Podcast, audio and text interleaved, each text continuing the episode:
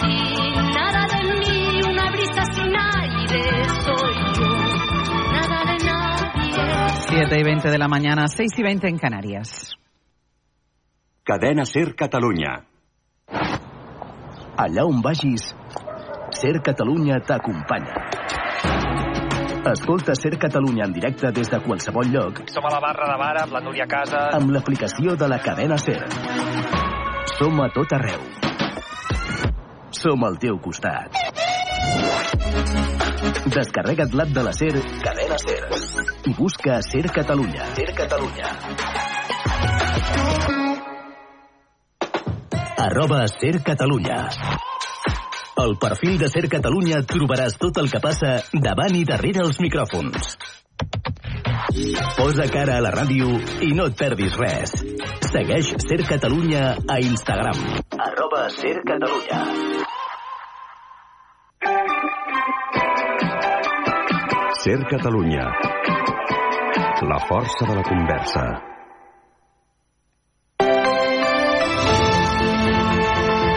Hoy por hoy Catalunya. Sergi López. Què tal? Bon dia. Atenció a aquesta dada. Segons l'últim baròmetre del CEO, 7 de cada 10 catalans volen que Catalunya continuï acollint la Fórmula 1. Ara per ara, la Generalitat i l'Ajuntament de Barcelona són optimistes i creuen que la Fórmula 1 es quedarà a Barcelona, tot i l'anunci d'un nou Gran Premi a Madrid. El conseller Roger Torrent, que també és el president de Montmeló, confia en les negociacions amb els organitzadors. Mentrestant, Jaume Collboni, l'alcalde de Barcelona, promet més recursos per mantenir la competició a Catalunya. Ara ho ampliem, avançanem amb la informació serveis. Quin temps tindrem avui, Jordi Carbó? Temps assolellat la major part d'hores amb temperatures màximes una mica més altes que ahir. Al matí, boira a planes eh, de l'interior, anirà marxant, pot persistir una mica més als llocs més enclotats del Pla de Lleida, on farà més fred. També aniran sorgint eh, alguns núvols o bancs de boira arran de costa, refrescant l'ambient quan es eh, formin. Però en general, com dèiem, sol, ara una mica de fred, 11 graus a Terrassa, 8 a Tortosa, 6 a Blanes, 4 a Solsona. A la tarda, màximes de 20 a 25 graus, el sol l'ambient serà una mica càlid. I els propers dies el temps serà molt semblant. Anem ara al RAC, com estan les coses a les carreteres i a les autopistes. Alex Huguet, bon dia. Molt bon dia, matí de moment sense incidències a la xarxa viària amb les primeres retencions als accessos de Barcelona i trams habituals com l'AP7 al Papiol en sentit sud o a la C58 arribant al nus de la Trinitat des de Montcada i Reixac amb dos quilòmetres ja de cues. Les rondes, com sempre, sí que registren més lentitud i van força carregades en direcció al Llobregat amb 3 quilòmetres a la B20 des de Santa Coloma i el Nus fins a Canyelles i a la ronda litoral 4 quilòmetres més des de Sant Adrià i el Fòrum fins tot el tram del Poble Nou. També recordem a aquesta hora que hi ha trams de la demarcació de Lleida, sobretot afectats per la boira, especialment Prudència, a l'A2 i la P2. És tot des del RAC. Bon dia. Bon dia i gràcies, Àlex. És dijous, és 25 de gener.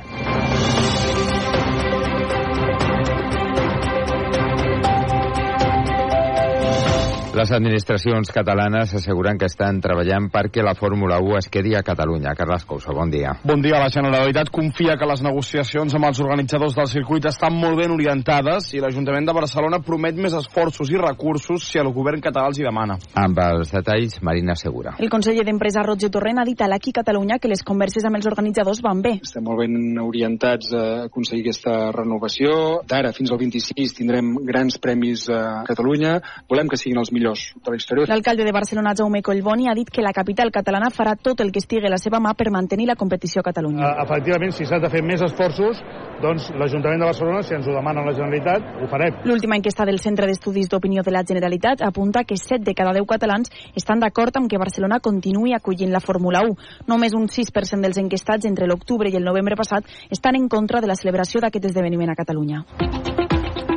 L'oposició acusa Pere Aragonès d'utilitzar la presidència de la Generalitat per activar la campanya cap a les properes eleccions. Aquest és el diagnòstic compartit sobre els canvis anunciats aquesta setmana. Un d'ells, l'ascens de Sergio Sabrià com a vice viceconseller, ha centrat les primeres crítiques i els comuns, de fet, ja han demanat la compareixença al Parlament.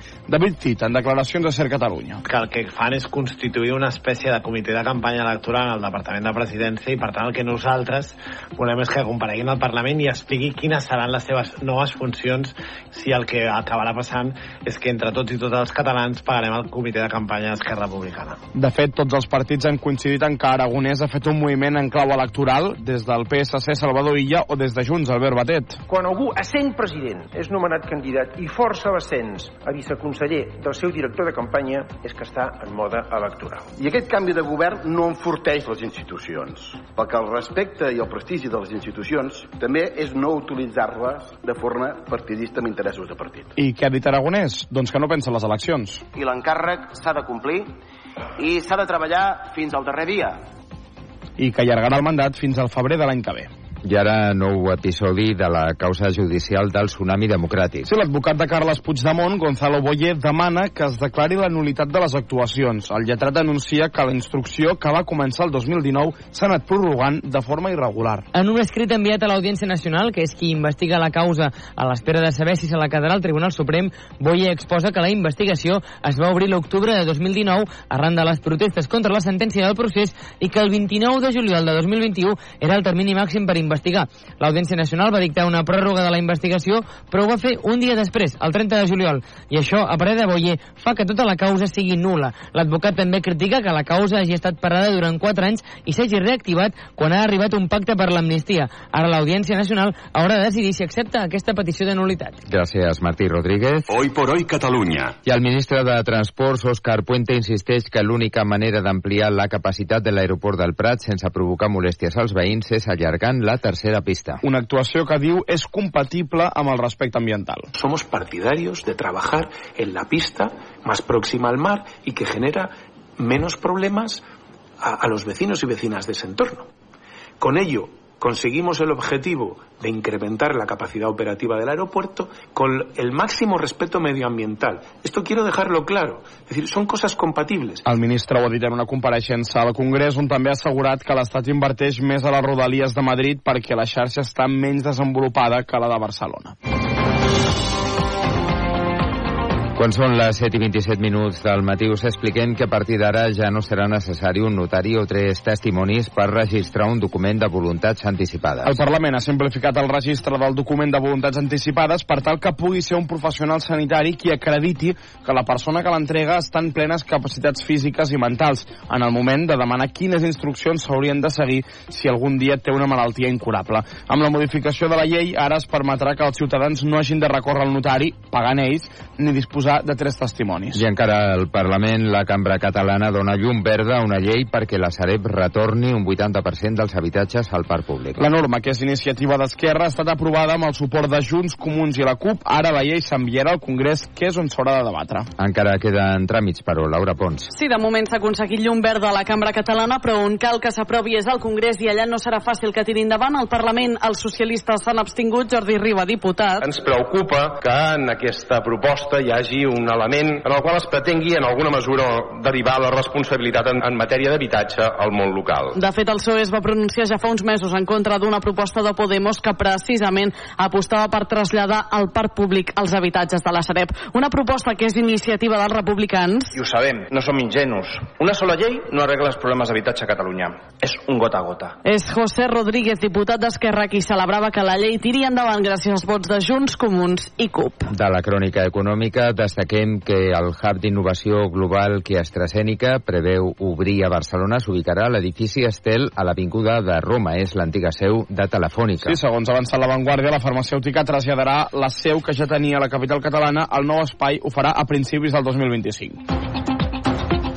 I ara anem amb els esports. Ni el Barça ni el Girona van poder superar ronda a la Copa i queden fora de la semifinal. En el cas del Girona, la primera part del Mallorca va fer impossible la remuntada a la segona part. Els balears van arribar al descans amb un 3 a 0 a favor i tot i els gols d'Estuani de penal a 20 minuts del final i el de Sàvio ja en temps de descompte, el Girona no va poder igualar el partit. I el Barça va caure a la pròrroga 4-2 al camp de l'Atlètic de Bilbao. Joan Tejedor, bon dia. Bon dia, un gol encaixat als 38 segons de partit presagiava una mala nit pel Barça, tot i que abans del descans Lewandowski, la Min van capgirar-lo. Una altra concessió a l'inici de la segona part va servir perquè l'Atlètic forcés una pròrroga en què els germans Williams, amb un gol cadascú, van sentenciar un Barça sostingut només pels menors d'edat, Lamin, Héctor Ford, Pau Covarsí i Marc Guiu. Xavi va acabar amb sensacions contradictòries. Decepció, perquè perds i de la manera que perds, doncs de la pròrroga al final, i crec que l'Atlètic també s'ha merescut passar, però sento, per l'altra banda, doncs sento orgull. Sento orgull perquè aquests jugadors ho estan fent molt bé, els joves, vull dir. Eh? Amb el que no va ser tan optimista el tècnic és amb el seu futur a final de temporada després d'haver perdut dos títols els últims 10 dies. Doncs en dues males notícies esportives arribem a dos quarts de vuit.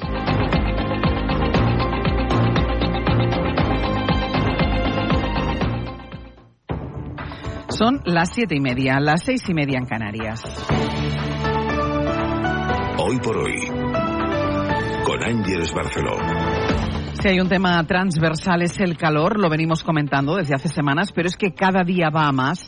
Ayer alcanzaron su récord de temperaturas en un mes de enero ciudades como Soria, Teruel, Ávila o Vitoria. En Carcaixent, en Valencia, hizo ayer 28 grados y medio, fue la temperatura más alta, 27 en Chelva, también en Valencia, 26 en Frontera Sabinosa, en Santa Cruz, 26,4 en Adeje, Tenerife también, 25 en Baeza, en Morella, en Castellón. Es la primera vez desde que hay registros que han superado los 22 grados en un mes de enero. Vamos a ver hasta cuándo va a durar este episodio, Jordi.